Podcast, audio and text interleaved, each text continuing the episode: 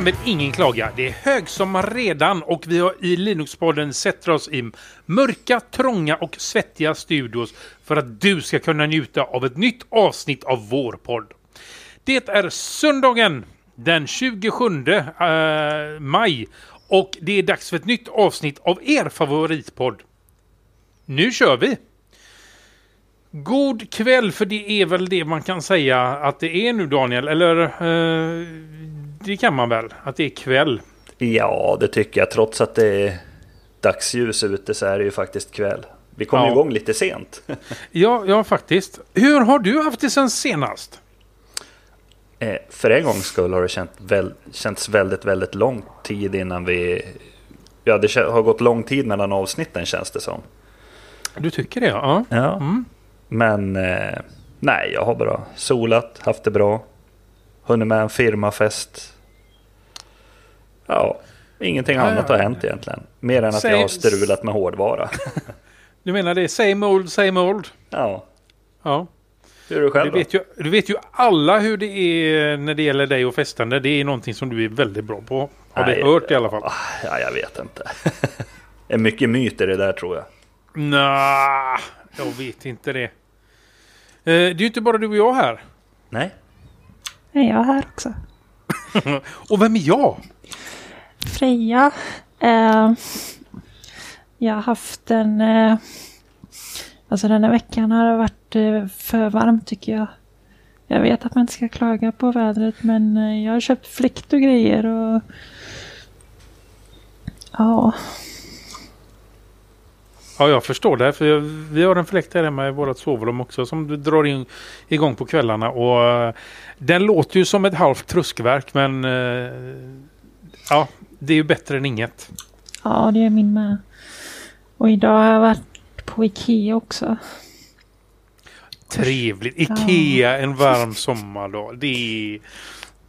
Ja, tala om för oss. Hur är det på Ikea en varm sommardag? Uh, men det är ganska, nu var det ganska svalt faktiskt. Men eh, inne i varuhuset så att eh, det var helt okej. Okej, okay. var det mycket folk?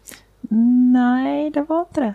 Så att det, det var, men jag kom ju dit ganska sent också så det kanske är det med.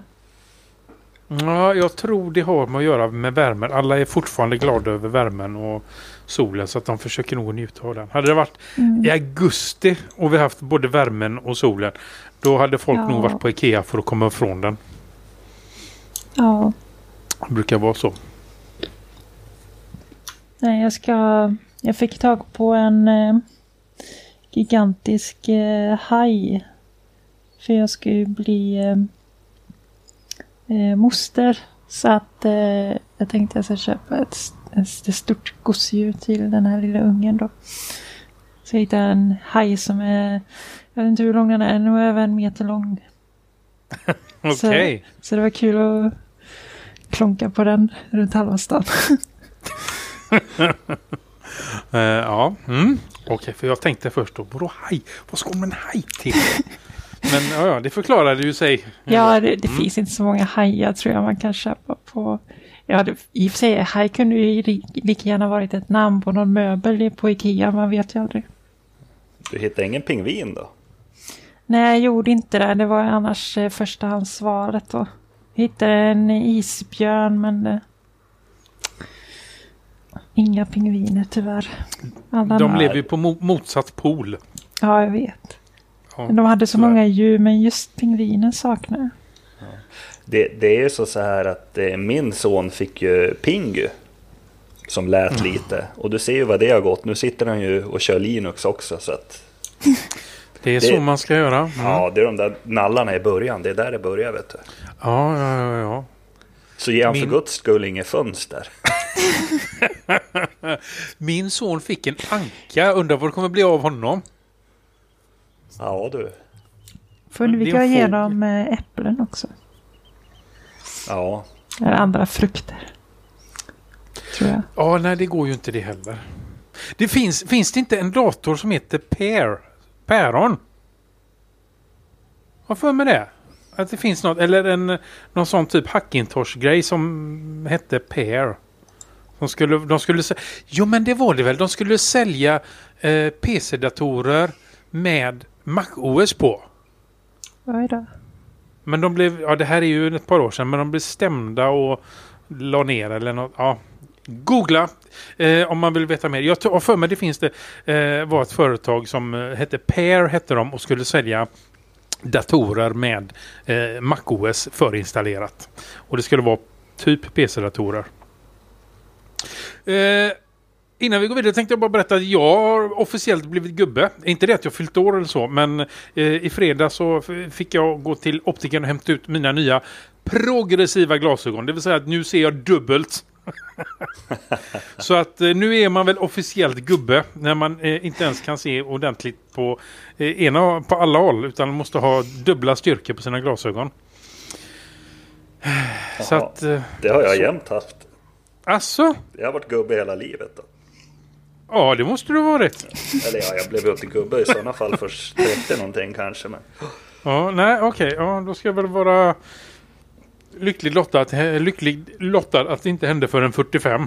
Så ja, att, eh, ja. Så att, eh, ja, det är lite ovant måste jag säga. eh, När man ser, speciellt när man hamnar där i mitten någonstans. Och allting bara flänger och liksom hoppar av sig. Så att, eh, ja.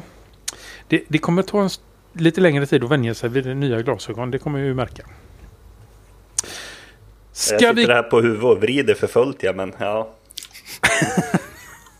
Jag tycker att i mina glasögon, de är inte progressiva men det är vanliga glasögon. Men allting är, är lite runt. Alltså allting kröker sig överallt tycker jag. Det är lite jobbigt i början men sen så blir det bra. Det är jättebra, man kan köpa platta skärmar och få dem kurvade i alla fall. Så att det är lite billigare att vara gubbe. Ja, ja, ja, ja, ja, ja, jag hade nog köpt en, jag hade nog, för det jag betalar för mina glasögon hade jag nog kunnat köpa flera kurvade skärmar. Oj då.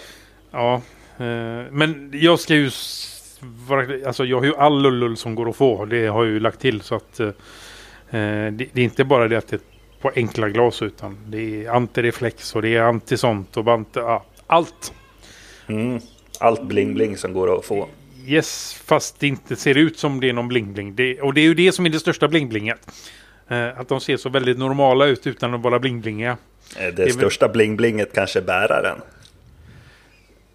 Ja, ja, ja, ja, nu, jag har faktiskt blåa glas också. Så att det syns ju, kommer jag på, att jag har ju lite synligt bling-bling. Eh, ja. Men det här var inte en podd om glasögon, har jag för mig. Nej, jag tror inte det. Så att... Eh, ska vi kanske komma till sak och gå till... Eh, dra igång veckans nyhetssvep kanske? Yes. Då börjar vi med att tala om att Gnome Foundation har fått en donation på en miljon dollar från en anonym eh, donator. Donationen på en miljon dollar kommer från eh, som sagt en anonym person och kommer att betalas ut under de kommande två åren. Pengarna Grom kommer eh, att ta emot kommer att användas till att anställa fler utvecklare och strömlinjeforma organisationen så att de kan förbättra skrivbordsmiljön. Eh, The Gnome Foundation, Foundation sponsras redan av många stora inom öppen källkod. Några av de mest kända är Red Hat, Canonical, Google, eh, Free Software Foundation, Debian, SUS och eh, The Document Foundation, Endless Computer, Private Internet Access och System 76. Även eh, de nämnda är då eh, medlemmar i något som heter Gnome Advisor Board. Som, eh, ja det är väl något, ja. Något, något för att liksom, något rådslag de har där någon gång om året skulle jag misstänka. Kommer Gnome att bli världens bästa skrivbordsmiljö nu, Daniel? Du som älskar Gnome. Nej, med så mycket pengar kommer de aldrig bli färdiga. Men eh, tror du verkligen det är en person? Det är inget företag som ligger bakom då? Enligt eh, nyheten som jag har hämtat härifrån så ska det vara en person och inte en- ett företag. Så att eh, det är någon med en väldigt stor V75-vinst på fickan tror jag. Och om vi säger Bill Gates då? Då ska jag äta upp min keps eller något. Jag vet inte. Då, ja.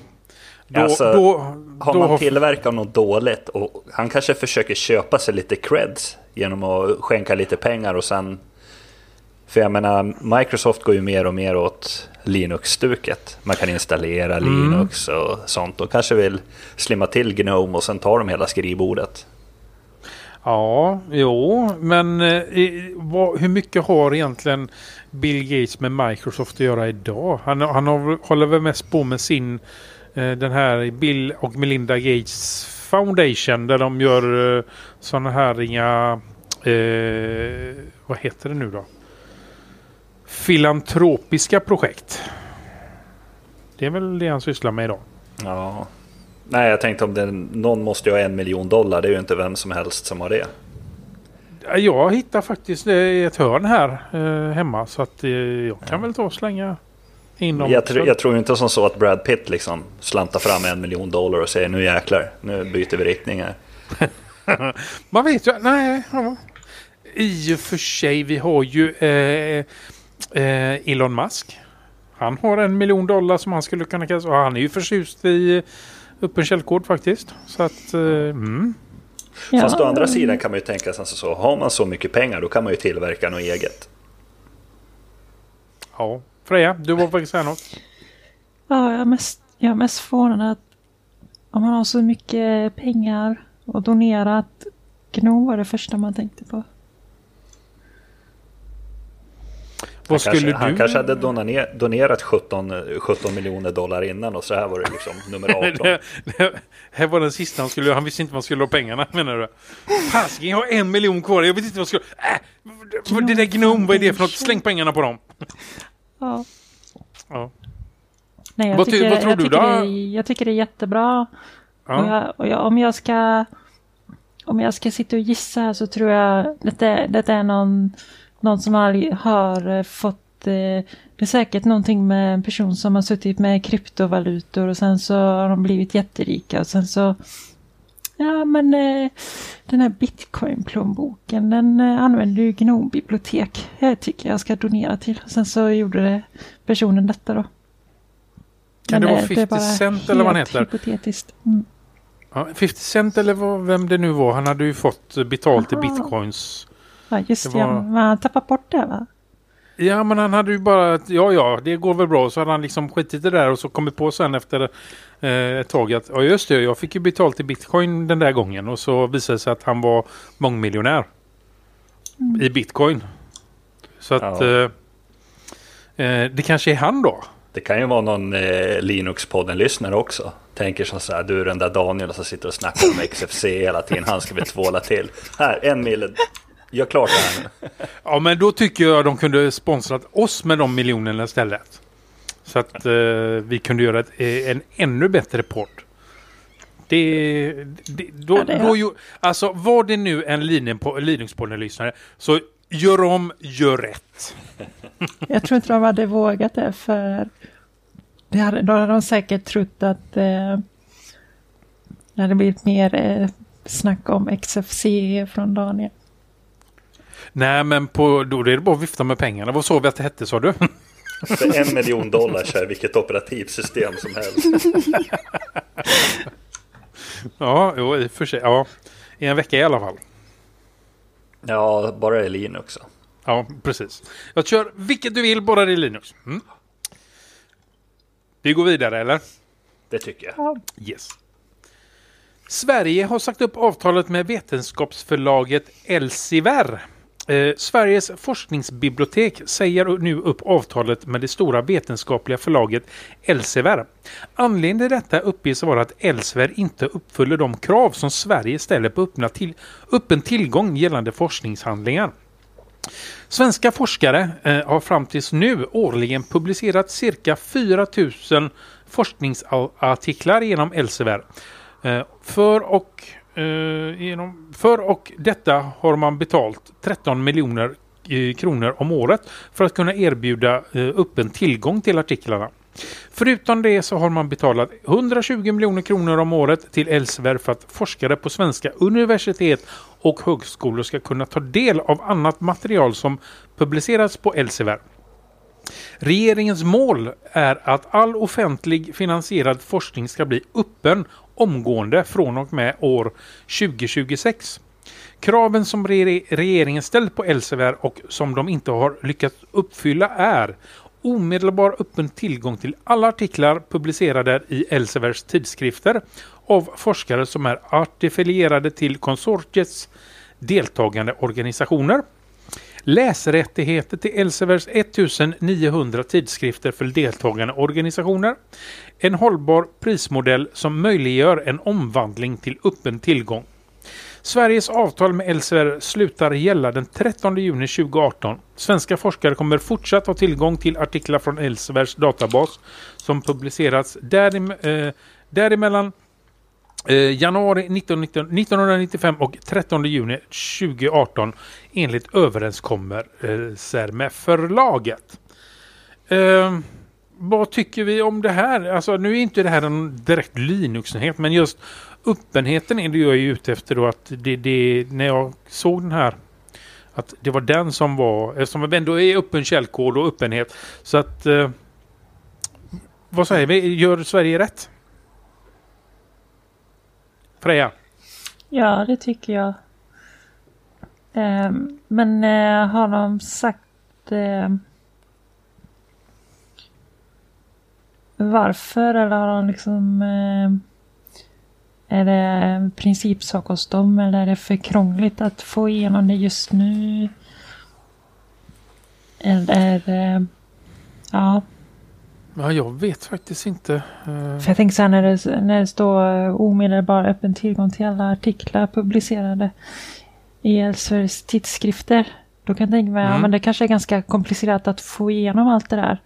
Eh, men de har haft Eh, jag vet inte hur lång tid de har haft på sig. Det kanske, jag funderar på om det var det eller om det, det är det att de inte vill helt enkelt.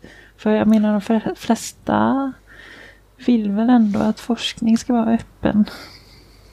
Ja, jag vet ju faktiskt inte. Det här, jag känner ju inte till Elsevier och de här grejerna sedan tidigare utan eh, Daniel, du kan allt om det så varsågod kör. Alltså jag satt och räknade lite. Jag vet ju, jag har aldrig hört talas om företaget och jag kan ingenting om det här alls. Men jag satt och tänkte så här att har de 4000 forskningsartiklar och de har hållit på sedan, vad var det, 2013 va? Mm, nej. Du, 2015? Nej. Ah, skitsamma, jag räknar ut i alla fall att det blir 173 artiklar per år. Ja. Och då, förutom det så har man betalat 120 miljoner kronor plus de här 13 miljoner kronorna. Då. Det är alltså 133 miljoner kronor per år. Delar du då 133 miljoner på 173? Vad blir det? Nej, men det ska vi se nu. Eh, de har betalat 120 miljoner kronor om året. Ja. Men de har betalat ytterligare 13 miljoner ja, om året för att kunna erbjuda öppen tillgång. Ja, just det. Yes. Mm. Ja. Och då tar man 133 miljoner delat på 173 artiklar som det är varje år. Mm. Så blir ju varje artikel väldigt, väldigt dyr. Och jag tänker som så här, bara 173 artiklar per år. Nej, nej, nej, Sverige, då får man öka, öka forskningstakten. Alltså jag får inte ihop det. Jag vet, inte, jag vet ju inte vad företaget gör, men för de pengarna så skulle jag nog till möte, mötesgå de där kraven som, som de inte har lyckats fixa till. Ja. Vänta, har framtid. Det kan, det kan ju vara något politiska eller vänta, de, de, lagkrav eller något sånt. Som... Vänta lite. Svenska forskare har fram tills nu årligen publicerat 4 000 forskningsartiklar. Årligen. Så 4 000 delat på 120 miljoner. Det är ändå ganska mycket ja. pengar va? Jag har ingen miniräknare här. Eller jo, det har jag ju. du har ingen miniräknare, du är bara sådär smart. ja. Eh, så att det, var, det, det stämde ju inte riktigt. Sen tror jag att det är från 95. Eftersom att det är därifrån de har tillgång till det. Ja, 1995. Så att eh, det blir ju inte riktigt rätt det du säger. Nej, det blir det ju inte. Nej. Men jag tyckte det var mycket Skyll pengar i alla fall. Jag Skyll. tänkte ja, om jag skulle få bli erbjuden de pengar så skulle jag väl vilja eh, som bokförlag tillgodose kraven. För, ja, nu, är det, nu handlar det här om Alltså det här handlar om en hel, ett helt lands eh, forskningsartiklar. De kanske är ett sånt förlag som bara har hand om forskningsartiklar för, för olika länder. Så att eh, exempelvis säga att USA, jag vet inte jag hur mycket de publicerar, men även de publicerar sina artiklar inom Elsevier. Eh, då är de kanske lite mer värda i, pengamässigt. För att de får betala mer. Jag har ingen aning. Eh, men ja, då kanske det är ett sånt där förlag som bara, äh, skit lejer. Ja. Mm. Uh, år, år 2017 så hade de en intäkt på 2,48 miljarder brittiska pund. Det kanske är de som donerade till Gnome. Ja, det kanske, kanske det. det. Jag räknar att det var 30 000 per artikel ungefär. Mm. Men sen är det ju då att de har inte bara att de har publicerat, de har ju till, de skulle ha tillgång till, ja nu vet jag inte hur många artiklar det blir, men alltså 1900, 1900 tidskrifter som eh, finns inom Elsevier. Så att eh, det är ju inte en mm. artikel i varje Nej, det, det ja, så det handlar inte bara om att man publicerar utan även tillgången till att läsa och ta del av eh, forskningsmaterial. Så att eh, det är nog inte som dyr peng i alla fall om man eh, tänker ordentligt på det här innan man slänger ut sig grejer. Eller, eller vad säger du? mm. Ja, det är konstigt. Det är... det är konstigt vad pengar kan göra. Ja. Nej, vi går men, vidare. Det här var inte ja, våran grej. Men vi avslutar med att tala om att det är bra att den svenska regeringen vill ha öppenhet. Så att det, det stödjer vi. Hitta ett bättre flagg. Vi går vidare ja. Eh, när vi ändå är inne på öppenhet så kan vi tala om då att e-postklienten Idoras källkod blir tillgänglig för alla. Det är något som heter Computer History Museum förkortad CHM. Så en institution som utforskar datorns historia och hur den påverkar mänskligheten har meddelat i veckan att de kommer att släppa källkoden till e-postklienten Idora helt fri. Idora är en, en av de tidigare och mest lyckade e-postklienterna. Eh, de gör det här för att bevara eh, Idoras eh, källkod över tid och för att eh, eh det är en del av den moderna datorhistorien. Center for Software History Historical Source Code det är ett långt ord, är ett projekt som drivs för att bevara just kod av betydelsefulla program. Släppet kommer nu fem år efter inledande samtal med Qualcomm som äger Idora. Och då ett litet engelskt pressmeddelande lät så här. The first version, version of Edora was created in the 80s by Steve Donner who was working at the University of Illinois at urban campaigning. It took uh, Donner over a year to create the first version of, version of Edora, which had 50,000 lines of C code and ran only on the Apple Macintosh in 1991. Qualcomm licensed uh, Edora from the University of Illinois and distributed it uh, free of charge. Qualcomm uh, later uh, released Edora as a consumer product in 1993 and it quickly gained popularity. Availability uh, both from the IBM PC and the Apple Macintosh. In uh, its uh, heyday, Idora had ten of tens of millions of users. After 15 years in 2006, Qualcomm decided the Idora was no longer consistent with their other major project lines and they stopped development. The discussion with Qualcomm uh, for the release of the Idora source code by the company uh, museum took five years. Någon av er som använt Idora? Uh, Freja? Nej.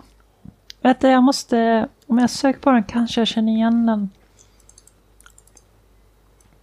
Då går vi den till dig så länge då. har funnits Nej, ett tag. Ingenting jag har använt i alla fall. Va? Har ni aldrig använt Idora? Herregud, det är ju en klassisk e-postklient. Ja, det ser man. Ja, eh, är jag den enda som har gjort det här då alltså? Använder du den mycket då? Eller under en längre tid?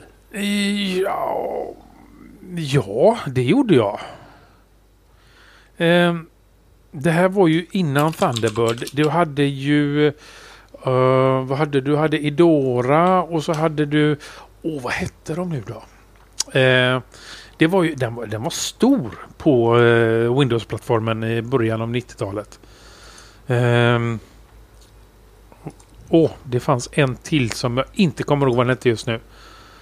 Eh, som kost, eh, Pegasus hette den ju. Just det, Pegasus. Pegasus eh. använde jag i alla fall. Ja, den kostade pengar. Uh, för mig. Eller så var det Idora, nu kommer jag inte ihåg. Mm. Men sen kom ju Microsoft och släppte sin... Eh, och de hade ju Outlook och sen Outlook Express. Eh, kom väl där i samma veva. Eh, och Netscape släppte väl någonting i... Och, och, något där också. Så att då gick man över till det stället efter ett tag. Så att, eh, men som sagt var, Idora det nämnde jag ganska mycket.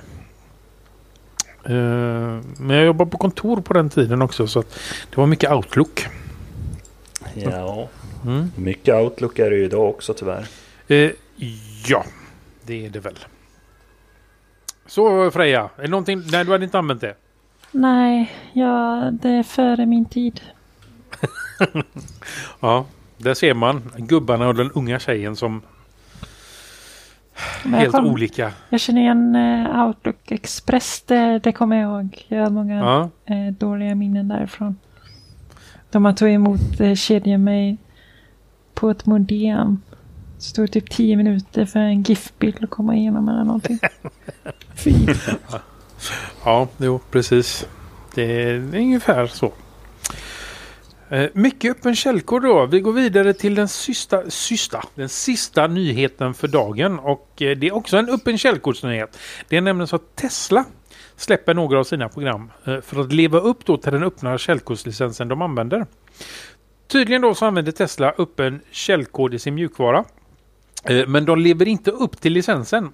Normalt då så brukar ju inte Software Freedom Conservatory kommentera när någon eh, eh, inte lever upp till GPL-licensen. Eh, men den här gången gör de tydligen ett undantag för Tesla. Tesla har själv meddelat att de har tagit eh, de första stegen till att leva upp eh, till och släppa sin kod under öppen eh, licens. Eh, under den öppna licensen de använder. Och som ni redan vet så kräver ju GPL att man eh, ger tillbaka till projektet om man använder sig av koden som är under just GPL.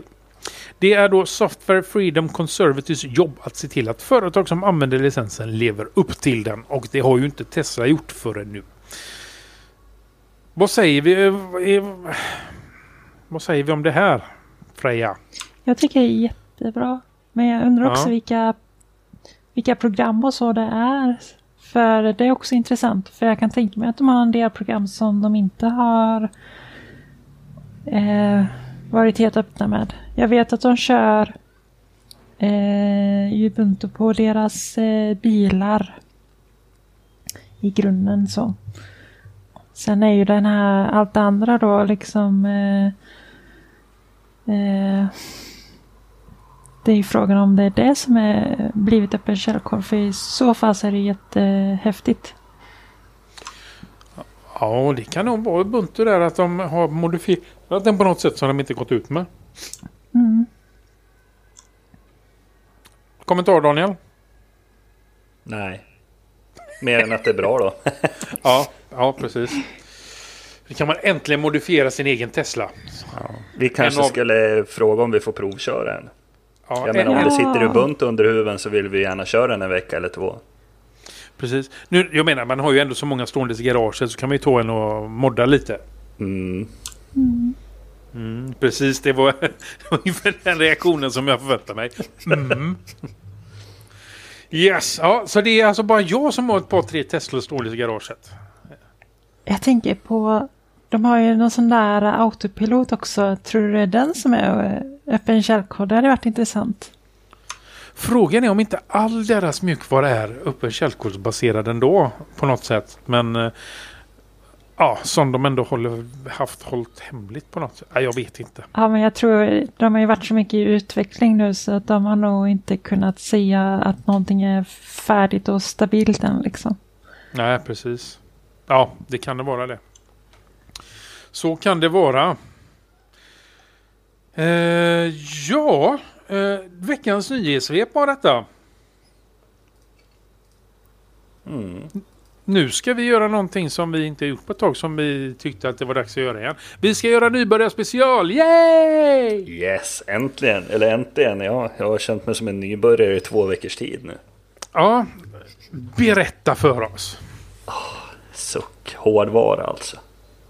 Alltså, jag berättade väl förra gången att jag hade försökt att installera Manjaro på massa datorer. Yes. Yes, det gjorde jag. Och jag försökte och jag försökte och jag försökte och sen så laddade jag ner Xubuntu och testade och då bara gick det. Nästan. Aha. Men eh, det visade sig att jag hade väl en trasig SSD-hårddisk i en dator och hade lite minnesproblem i en annan. Och, men eh, nu är grabbens dator uppe och rullar i alla fall så han kan spela CS. Det, det är väl prio på den. Men vad är det för problem du har haft egentligen då? Förutom då att det har blivit svart. Ja, allt. Eh, först grabbens dator hade jag problem med, med minnen. Då har jag inte löst det riktigt, riktigt än. Men han har i alla fall 8 GB av 16 möjliga.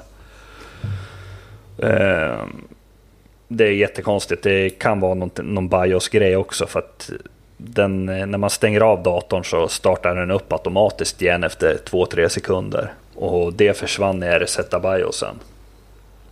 Okej. Sen så tog jag min gamla server och installerade Xubuntu på.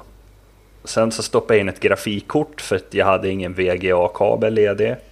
Och så körde jag in DVI och då ville inte Xubuntu vara med längre så att då la jag ner det. eh, och då gick jag raskt på ett, en gammal Mini ITX-låda som jag hade. Och det var där jag hade den trasiga SSD-disken. Och då bytte jag hårddisk och då var det väl något glapp i kabeln eller moderkort eller något sånt. Så då tröttnade jag på det också. Ja du. Mm. Det låter som du haft riktigt kul alltså. Ja, eller hur? Ja. Mm. Men eh, ja, man är väl inte bitter för det, eller är man det? Ja, är du det? Men, men därifrån, det var ju lite därför vi tänkte på det här nybörjarspecial. Och, och som nybörjare så, om man kanske ska köpa en ny dator, så behöver man ju köpa massa hårdvara. Om man bygger ihop den själv vill säga, eller om man kanske köper ett färdigt paket så kan det ju faktiskt vara bra att kolla vad som sitter i maskinen. Ja, för det finns ju vissa grejer som inte lirar och sådär jättetrevligt ihop med Linux. Ja, En av de stora anledningarna är ju för att hårdvaran är för ny. ja. Det eh, är ju faktiskt den vanligaste eh, orsaken till att du inte får igång Linux på, på, på, eh, på din burk. Du, du har alldeles för ny hårdvara. Fast jag tycker de har blivit rätt bra på det nu. det har de. De har blivit jättemycket Ja. bättre på det. Men eh, fortfarande så ligger de ju inte riktigt i fas med eh, Men, men jag tror som så här också när vi snackar ny hårdvara. Så är det den här nya hårdvaran som, som man inte riktigt vill köpa för att väntar man tre månader så är det halva priset på den nästan. Ja, precis. Sen är det ju oftast det som har någon typ av proprietär drivrutin som man måste ha installerat för att få det att funka. Typ grafikkort eller ehm, eh, vad har vi mer för något som är... Ja, det är ju egentligen speciellt grafikkort men eh, det kan även vara... Vad är det mer? Eh, diskar Viss- och vissa... Ja, vissa, vissa wifi eh, eh. Ja, precis. Så att det, det är väl egentligen bara det man som är de stora grejerna. Grafik och wifi är ju de som oftast har eh, som är så pass nedlåsta på, så att eh, så där bör man tänka på vad man stoppar i datorn om man ska bygga den själv. Mm. Och USB, USB-ljudkort ska man vara lite försiktig med också. Ja, Ja, det, är, det beror jättemycket på det, men det finns garanterat sådana som inte har något stöd överhuvudtaget i Linux. Ja, det är ju alltid bra att kolla först. Alltså, gör en Ja. enkel vanlig googling om vad det här, vad, vad gäller. Men du, du har dock... Ja, Ja, jag tänkte på det där med, eh, med ljudkort och det. Jag som sitter och spelar väldigt mycket. Jag har ju faktiskt eh, ett headset där de, eh, från tillverkaren säger att de stöder Lin Linux. Och det funkar klockrent. Så det börjar ju komma lite på den fronten också faktiskt. Eh, ja, jo, men alltså det, det är ju samma sak. Den mikrofonen som jag sitter och pratar i. Eh, det är också en USB-mikrofon. Den har ju inget office, eller ja. De röda som tillverkar mik- mikrofonen säger ju inte att de har stöd i Linux. Men den funkar ju som sagt var alldeles utmärkt. Det är utan några som helst eh, handpåläggning. Utan det är bara att stoppa i kontakten och så är det klart. Mm.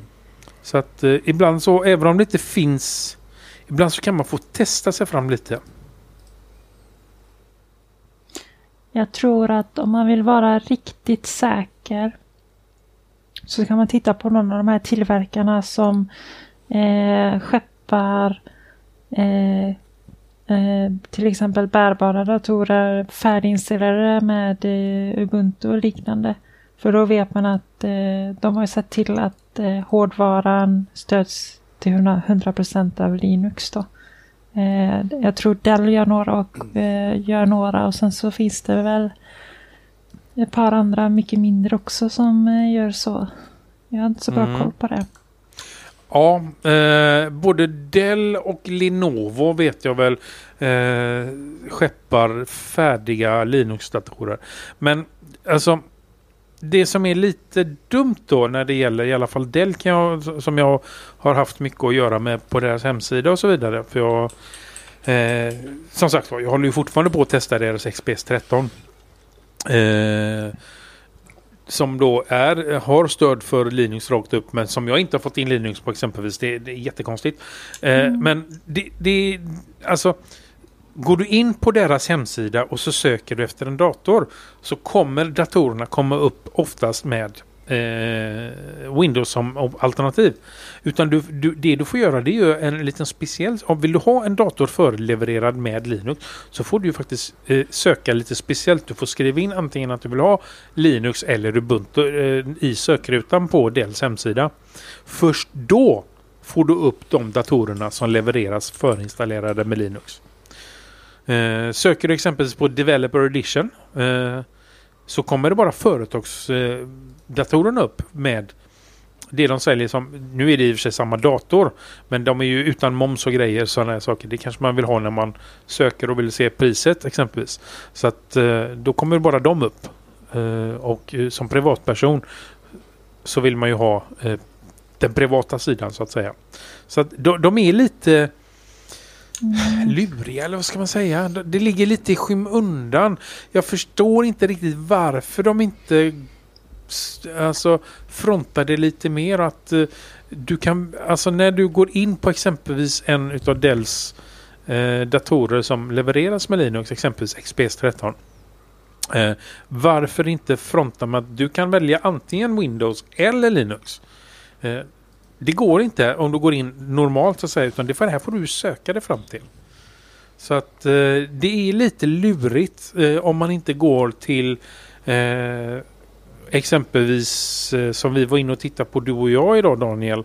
Eh, eh, X-Station heter de väl va? Station X. Station X ja. Ja, som enbart säljer Linux-datorer. Eh, och går, man inte in, går man in på en sån sida då, då, liksom, då hittar man ju alla datorerna som de har med Linux och ingenting annat. Eh, men som sagt var, de stora leverantörerna, jag tycker de döljer det lite väl mycket. Ja. Men eh, jag vet, jag och Freja hade ju diskuterat lite hårdvara här innan vi började. Mm. Ja, Mm. Kanske ska ta det... Ska vi ta det helt från, helt från grunden? vi kan ju säga att eh, eh, allt, det är alltid så att eh, kör du något kort med Intel då har du nästan alltid stöd för alltihop. Om det är Intels eh, trådlösa och så vidare då, då finns det på server eh, det finns oftast på alla servrar så då kan du räkna med att det finns stöd för detta i eh, allt annat med. Men det är när man rör sig eh, bortåt som det kan bli lite jobbigare. Om man byter ut det där Intel grafikkortet mot något helt annat grafikkort. Ja. Men, men om vi tänker, om vi låtsas att vi bygger ihop en dator. Är det någon av er som har haft problem med ett moderkort någon gång? Och Linux? Mm, nej. Nej. Nej. Är det någon som haft något problem med en processor då? AMD eller Cyrix eller eh, Intel eller någonting med, med Linux? Cyrix. Hur många Cyrix-datorer har du byggt ihop? En.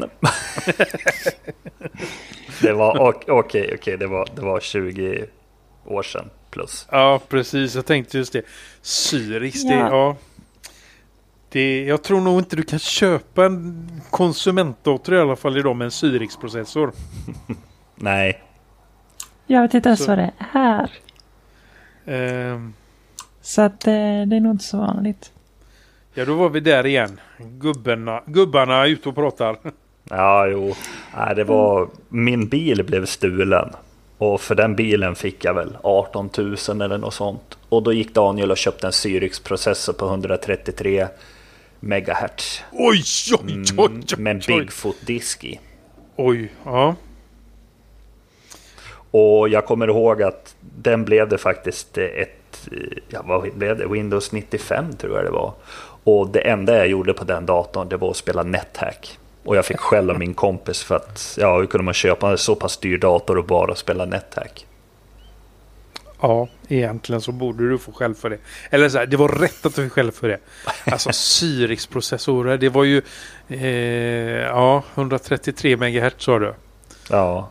Ja, ja det, det var ju the shit. Och det var liksom där pengarna gick åt. Det var 133 MHz, det var väl några megabyte RAM-minne, en Bigfoot-disk på x antal megabyte, jag vet inte. Ja. En floppy-disk, en skärm. Det var liksom 18 000 spänn. Ja, ja, jag förstår dig. Uh, det, jag menar, det var ju ändå en Cyrix-processor. Det var fina grejer. Men det är ingen som haft något problem med AMD eller Intel i alla fall. De funkar ju som de ska. Ja, du hade väl haft lite problem Freja med rysen eller hur var det? Ja, men det, det är ju när man eh, när man gör saker som eh, de flesta inte gör. Eh, att köra eh, eh GPU pass-through i virtuella maskiner så att man ger eh, virtuella maskiner olika hårdvaror i eh, datorn. Mm. Jag har inte haft något problem med just Ryzen för jag har inte Ryzen men eh, jag har faktiskt eh, jag brukar inte ha problem med det i med AMDs hårdvara. Det brukar alltid vara tillgängligt i eh, hårdvaran liksom. Eh, problemet är oftast mjukvaran istället. Att eh, det inte finns tillräckligt med stöd och eh, uppdateringar och liknande i kärnan och sådär. När det, kom, alltså när det kommer till modkort. Eh, då har nog mest haft problem med eh, ARM och liknande. Att eh, det är någon ny grej där som inte stöds i Linux helt och hållet. Ja, där brukar det bli lite problem. Mm, ett tag så liksom. Eh, eller det brukar bli lite krångligt så till exempel att nu är det inte krångligt att installera eh, ett system på en Raspberry Pi. Men det är ändå att du ska ha Raspbian det, som är liksom modifierat Debian. Men att installera vanliga Debian ger inte fullt stöd. Eh, det är sådana små detaljer där som eh, det, det är inget krångel så men om eh, vi inte hade haft Raspbian då hade det varit krångligt. Men, men jag måste tänka tillbaka, eller, eller tänka tillbaka. Jag tänker på när du sa som så här att ja, det är ingenting normala användare gör. Jag kan ju säga så, sen, sen jag började använda Linux, då har man ju fått tillbaka den här upptäckarglöden. Man dras ju ner i ett träsk där man bara vill upptäcka mer grejer. Alltså Windows, då satt man ju där i sin bubbla och svor över blue screens och väntade till nästa operativsystem skulle komma. Så jag, ja, menar... men jag, alltså, jag, förstår, jag förstår precis vad du pratar om just nu. Eh, jag har ju den här XPS 13-datorn med Windows på som jag um, provar fortfarande. Ska vi säga då. alltså, sätter jag mig vid den och inte vet exakt vad jag ska göra. Då sitter jag och gör ingenting för jag vet inte vad jag ska göra. Jag sitter och stirrar på skärmen tills den slocknar ungefär och Ja, vad ska jag göra nu? Sätter jag mig vid då, tar fram min Linux-burk så kan jag direkt börja göra någonting för att då helt plötsligt så jag kan göra det, jag kan göra det, varför gör jag inte det, varför gör jag inte det? Alltså det blir ju... Ja, mm. det där med upptäckarglädjen och eh, kreativiteten som infaller så fort jag öppnar en Linux-burk. Det ja. jag förstår, ja. För blir man lite wild and crazy på en Windows-maskin då, då körde man igång Defrag och så gick man och drack kaffe.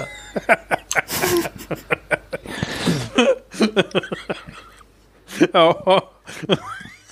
Det var det roligaste. Så när man körde Defrag en gång Sen direkt efter körde man en gång till och då gick det så snabbt mm. liksom.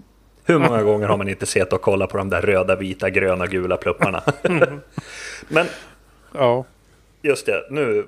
Ja, man kunde inte använda datorn heller. För Nej. då var den tvungen, då, då, då började den att lagra grejer där den inte skulle. Och då tog det ju längre tid. Vi, vi måste göra ett nostalgiavsnitt tror jag. Ja, jag tror också det. Det, det men, låter ändå så. Men de grejerna som, som man kommer till sen. Jag tänker på grafikkortet. Där finns det ju liksom. Där är det ju två läger idag. Det är ju AMD man kör eller också kör man Nvidia. Och jag vet Tre ju... vill jag ju säga faktiskt. Ja. Du har med. ju Intels grafik också. Ja, ja, men nu är jag gamer. Då finns det ja. två läger. Ja, då finns det två. det, det är ju som så här. Intel. Eh, jag tror aldrig jag har träffat på ett Intel-kort eller Intel-grafikkrets som inte funkar. De funkar ju superbra. Jag är ja. faktiskt beredd att säga att de funkar, Intel funkar ännu bättre i Linux än vad de gör i något annat operativsystem. Ja, där är vi helt eniga. Men... Ja, jag får väl hänga på då. Ja, det är bra. Det, det är inte ofta det händer. Eh, nej. Du får lägga in en sån här applåd i bakgrunden nu. Ja, okay, jag, ska, jag ska se om jag hittar någon. Ja, annars, eh, ja vi får se vad det blir. Ja, annars kan du hitta... Ah, sidospår igen. Eh, du har ju... Vad heter de? BBC har väl släppt eh, massa ljudarkiv man får använda nu. Har de det? Ja, BBC Sound Effects. De har släppt jättemycket ljudeffekter som man kan ladda ner. Det är 16 000 eh, ljudeffekter och det är alltifrån eh, vad heter det, two-stroke Alltså motorer och allt. Kan det vara BBC Sound Effects Library till och med? Mm, nej, det är nog inte jag. Men du, nu gled vi ifrån här. Nej, ja, precis. Det är värmen. Jo, grafikkort. Eh, jag kör ju Nvidia. Och jag vet ju att Freja kör ju AMD, eller hur? Ja. Men Freja har mer fritid än vad jag har. Därför kör hon AMD, eller? Nej, det är inte riktigt så. Jag kan berätta hur jag gör när jag installerar ett operativsystem eller Linux och installerar mina drivrutiner. Eh, nu körde jag Xubuntu på, på grabbens dator som innehåller ett eh, Nvidia 660 Ti. Och vid installationen då kryssar jag i eh, att jag har internet och att jag vill använda eh, tredjeparts eh, drivrutiner. Och jag tror det nästan var klart där. Utan man får, när man har installerat klart så får man gå in på, eh, på inställningar och gå till övriga eller ytterligare drivrutiner. Och så får man välja att kryssa i. Det finns två olika drivrutiner där att välja på, eller tre. Och då får man välja någon stängd drivrutin och säga den här vill jag använda. Och så väljer man den och startar om och sen är det klart. Hur gör du Freja? Det var inte lika lätt för dig hörde jag. Nej, men jag är yrkesskadad så det är ju därför det blir krångligt när jag gör någonting som ska vara lätt. Eh, för jag installerade nya Ubuntu LTS igår. Eh, och eh, då hade jag den eh, ISO-filen för serverversionen liggandes. Så då körde jag igång den för jag tänkte det är ju, det är ju samma sak i grunden. Det är ju bara att eh, jag lägger på det grafiska och sånt sen då. Jag hade lite problem. Jag följde, även om jag följer de officiella guiderna, du vet vad man ska skriva i terminalen om det varit en nybörjare som gjorde det så hade de nog bara kört fast. För eh, manualen på deras hemsida stämmer inte överens med hur det var igår i alla fall. Eh, för det blev konflikter och sånt som man var tvungen att köra en del andra flaggor för att komma runt dem. Eh, och jag vet ju inte om detta beror på att jag tog just serverversionen. Kanske är någonting extra där som fattas som gör det här. Eh, men det gick ju till slut med en del eh, flaggor där i, eh, till eh, apt-get och liknande. Eh, mm. Men det var ändå så här, det kändes som att nej, om det eh, som grafikkort på en eh, för en ny, ny användare. Det känns inte som det, det säkraste kortet för att köra liksom. Så jag hade nog faktiskt valt en video om jag var ny. Ja, faktiskt.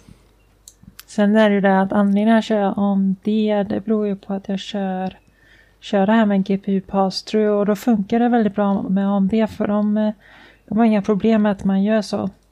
Eh, Nvidia däremot, de, eh, de har ju två typer av grafikkort.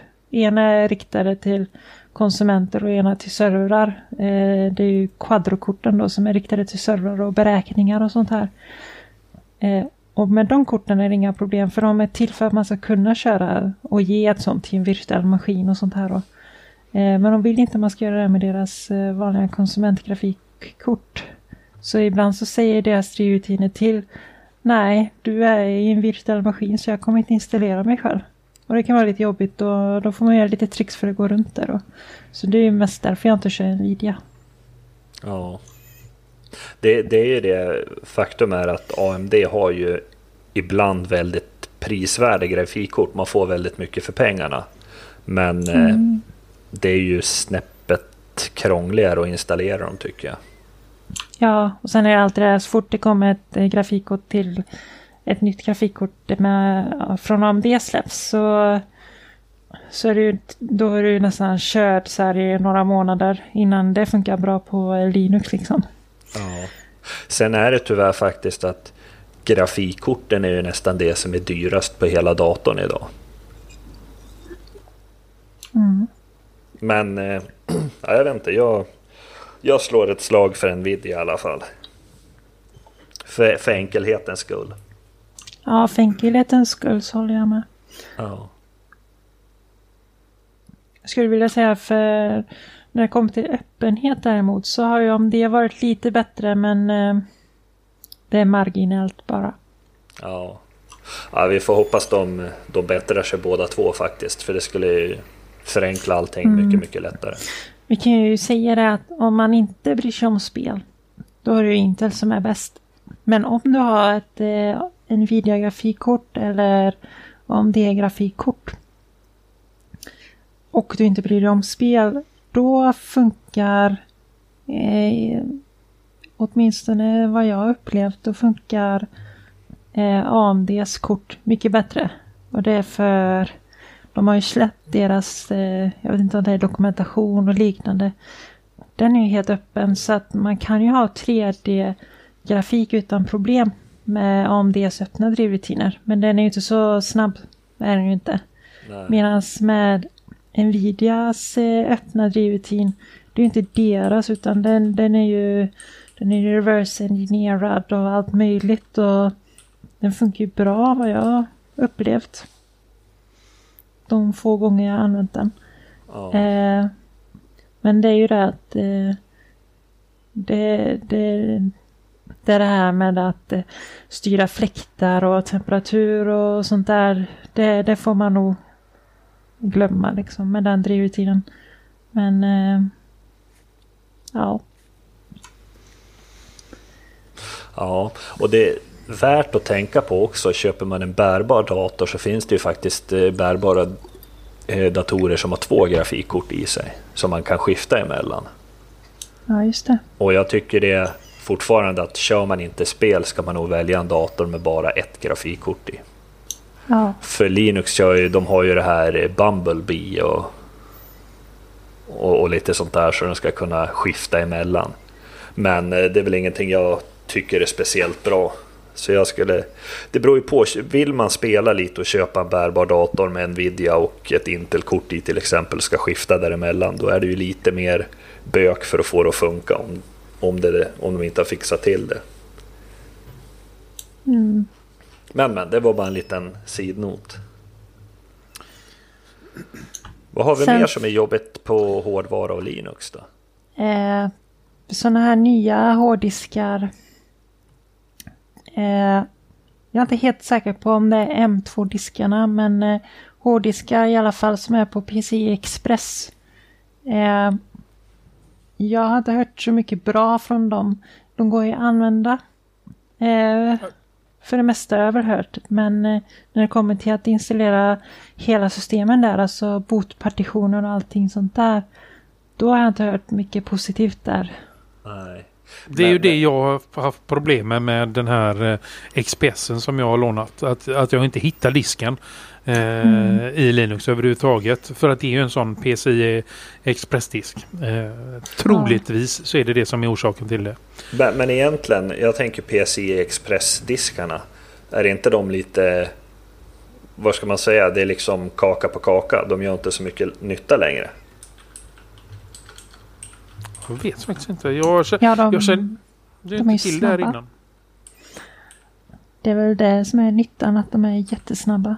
Eh, men eh, det är väl mest att man ska vara uppmärksam om man köper en ny dator för då brukar det oftast vara det man vill ha. Eh, sådana här M2-diskar och liknande för att det är liksom det är det nya och det är snabbt och det är, så slipper du kabeln liksom. Ja, fast M2-disken den har väl en egen buss eller går den på PCI Express-bussen? Eh, nej, den har nog en egen sån. Eh, den påminner väl väldigt mycket om PC Express för det är väl en parallell anslutning tror jag. Ja, Istället för för just de här PCI seriell. Express-diskarna de är ju de är ju väldigt dyra också. Ja, det är det. Men eh, det skulle vara roligt att ha en. Men Så, sagt, roligt, det- så roligt är det inte. Nej, jag, alltså då köper jag hellre en M2-disk eller något sånt istället. Ja. Ja. Jag har ju löst eh, jag har ju SSD-diskar i en stor array så att jag, jag kommer upp i de hastigheterna ändå så att det, Ja.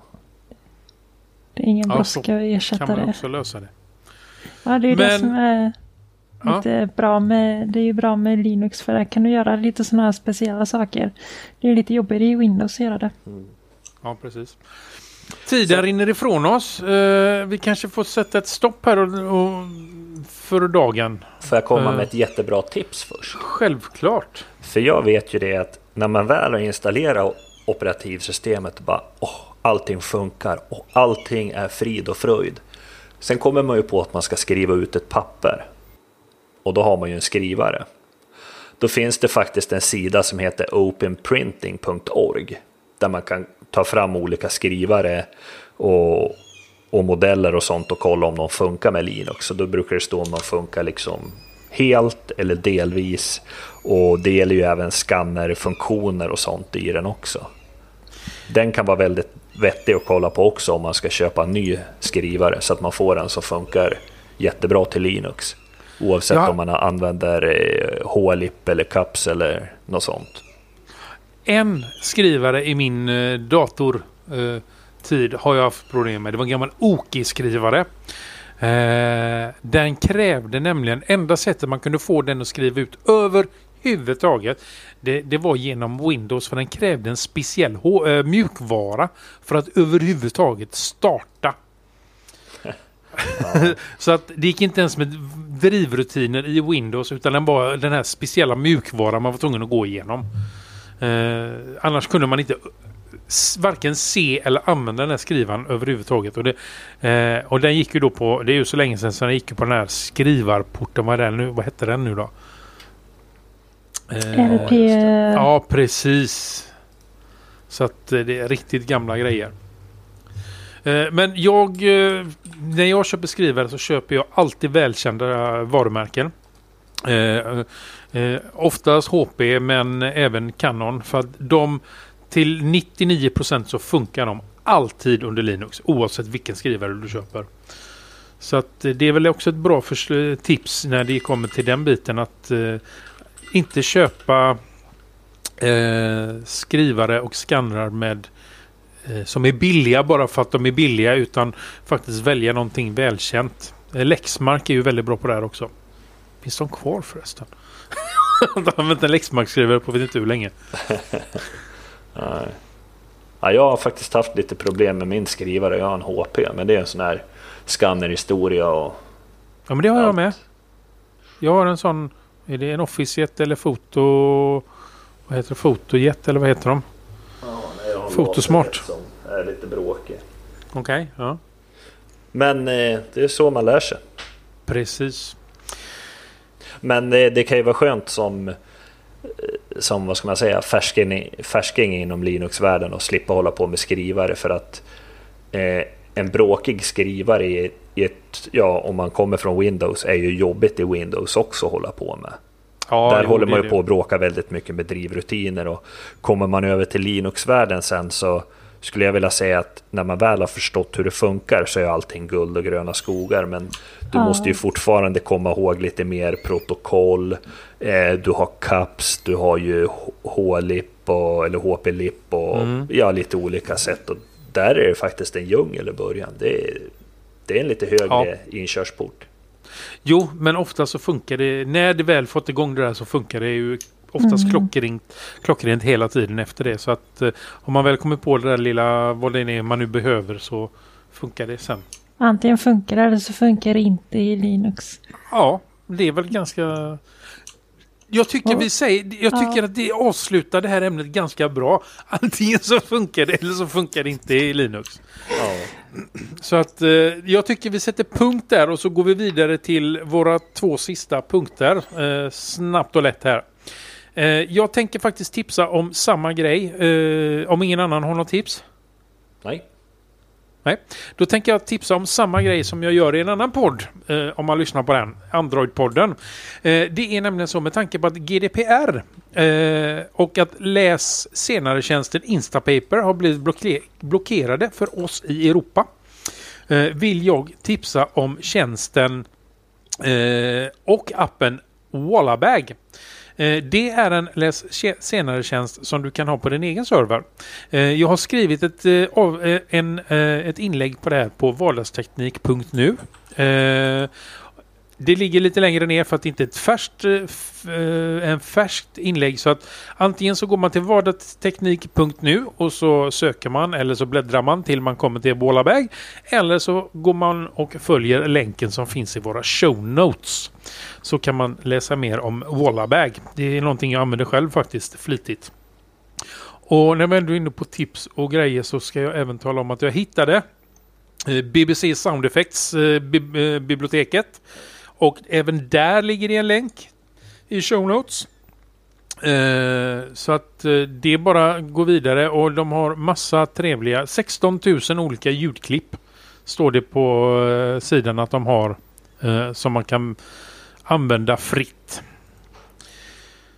Då var det klart. Veckans app och veckans tips. Då är det dags för våran evenemangskalender. Och den är fullsmockad med skit tänkte jag säga. Men det var inte så jag menade. Eh, det har fyllts på med grejer som man kan göra ja, stort sett under hela sommaren. Eh, och jag börjar med GDG Android Summer Meeting 2018. Eh, det här eh, går av hos Truecaller eh, på Kungsgatan 15 i Stockholm. det är då ett ja, Android Summer dörrarna öppnar klockan 18.00. det kommer vara lite developer och performance och det kom, ja jag vet inte riktigt vad. Jag ska gå in och kolla mer vad det handlar lite om sådär. ska vi se här. Mm, mm, det är väl lite snack om eh, Android helt enkelt. Eh, någon som heter Ivan Dimoski, a.k.a. Medo, eh, som är då en mjukvaruingenjör med sex år inom Android-utvecklingen. Eh, han har flyttat till eh, Sverige från Makedonien och han kommer att prata eh, lite om Android och Truecaller framförallt för att det är ju de som håller i det. Eh, vad har vi mer? Vi har eh, i Stockholm också eh, Stockholm PostgreSQL User Group Meetup eh, nummer två 2018. Det är på Notullsgatan i Sibirien tänkte jag. står det här men det stämmer nog inte. Eh, Vasastan. Eh, det är, eh, ska vi se, och det är då mellan 17.30 och 21.00 den 7 juni. Jag kom på att jag glömde tala om när det andra var. Eh, det är den 13 juni mellan 17 och 21 eh, var eh, Android-mötet och det här är då 7 juni 17 och 17 och 30 till 21. Vi har den, ska vi se vad har vi här, den 26 maj. Det är mm, igår så att det tänker vi inte ta upp längre för att det, det är redan för sent. Eh, vi har eh, Foss GBK med eh, nyckelsignering. Det är den 30 maj eh, mellan 17 och 8 eh, eh på kvällen. Det är på Luxoft Sweden AB eh, på Österhamngatan 16 i Nordstan. Eh, jag har fått mail om det här men jag är, kan själv inte gå så att eh, tyvärr så eh, kommer jag inte vara där. Eh, 27 ska vi se här. Vi går till den 31. Eh, det här var som sagt var den 30 maj mellan 17 och 20. Eh, den 31 så är det Red Hat. Vad stod det? Sommarfest. Det är på Redbridge, eh, Brogatan i Stockholm. Mellan 16 00 eh, den 31 maj och 19.00 den 1 juni så kommer då Red Hat ha en sommarfest. Eh, de kommer ju att prata lite då och så kommer de ha en vegetarisk buffé står det här. Eh, man får gå vidare i, vår, i våran evenemangskalender om man vill läsa mer om dessa eh, evenemangen helt enkelt. Men som sagt var, eh, det finns en hel del eh, nya evenemang att eh, gå på om man är intresserad. Mm. Och de finns då i vårt forum som det finns då som huserar på forum.vardagsteknik.nu och under Linuxpoddens forum så finns det då evenemangskalendern. Och för den som är lat så finns det en full länk i våra show notes. Det var veckans avsnitt om ingen annan har något annat att tillägga. Jag har en sak. Och ja, Freja med. Jag ska... Freja, kör ja. du. Damerna först. Jag, jag, Då får jag, Daniel jag, börja. Jag, alltså. tror jag, jag tror jag ska gå på den här FOSS Gbg. De ska både ha nyckelsignering och sen ska de ha lite eh, eh, en talk med eh, Android i bilen.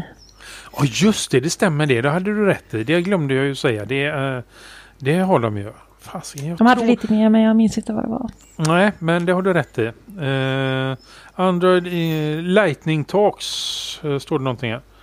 Luxoft står... Jag ska faktiskt kolla. Jag är väldigt osäker. Jag har för mig att jag har i upptagen om jag ska kolla om inte jag kan gå, gå där.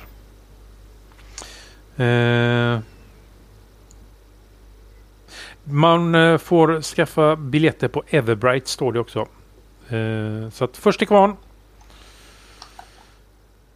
Måste jag ta en kik på. Ja, så fort vi är färdiga. Ja, det var, det var Daniel hade något också va? Mm. Jag, jag hade tänkt lite på det här med respons och snabbhet. Mm. Eh, frugan var på radio här i, i fredags. Ja, just det. Och, ja, precis. Och hon, de började ju sända det programmet 8.08. Och 8.11, då undrar Freddan om, om det är frugan på radio. ja. Han var så snabb så jag hade inte ens själv hunnit lyssna på det eller satt på radion. Vad var det hon pratade om då? Eh, om vardagsmotion och cykling. För eh, Hanna hon cyklar till Engelska skolan som hon går i. Okej. Okay. Mm. Det säger ju inte oss. Det, det kanske är liksom upp på cykeln och så trampa ett, ett tramp och så hon framme sen eller? Nej, det, lite... det är ju 20 minuter i alla fall. Jaha, okej. Okay, ja. Men det finns ju väldigt många som åker bara buss och bara blir skjutsad och sånt. Ja, precis. Jo, det gör det. Ja, så du har en kändis i familjen alltså? Ja, nu är vi ju två. Jag är Ja, ju Linux-podden. Ja, precis. Nej, och jag det- vet ju det att du skulle, hade ju bett henne att nämna Linus-podden minst tre gånger men hon sa inte ett ljud om oss. Nej, Nej, det är dåligt. naja, det blir mindre glass på helgen. Ja, det är bra. Nej, men det, det som var plats. roligt, det var ju den här snabba responsen. Att det var liksom folk, bland våra lyssnare som lyssnar på vanlig radio liksom har snappat upp saker och ting. Ja, Det tyckte jag jo. var grymt bra jobbat. Ja, faktiskt. Eloge till er, våra lyssnare. Eh, faktiskt, måste jag säga. Är vi klara nu då? Nu är vi Ja, klara. det är för jag är jättehungrig. Ja, vad bra. Då kan vem... Ni får slåss om saken. Freja? Podden är licensierad under Creative Commons delar lika 4. Eh, Du är för att du som lyssnar kan hjälpa oss. Vi dras med en del kostnader, inte stora, men ändå. Du kan skänka en slant genom Swish, Payson eller Paypal. På vår omsida kan du se hur du går tillväga. Vi skulle verkligen uppskatta om ni som lyssnar och läser ger oss tips och synpunkter på vad ni tycker. Lämna gärna era omdömen på iTunes, sociala medier eller på vår kontaktsida. Eller den som vill kan även skicka e-post till oss på adressen staff@linuxpodden.nu. Snyggt. Nu ska gubben gå och sova. God natt! Hej då! Hej då! Hej då!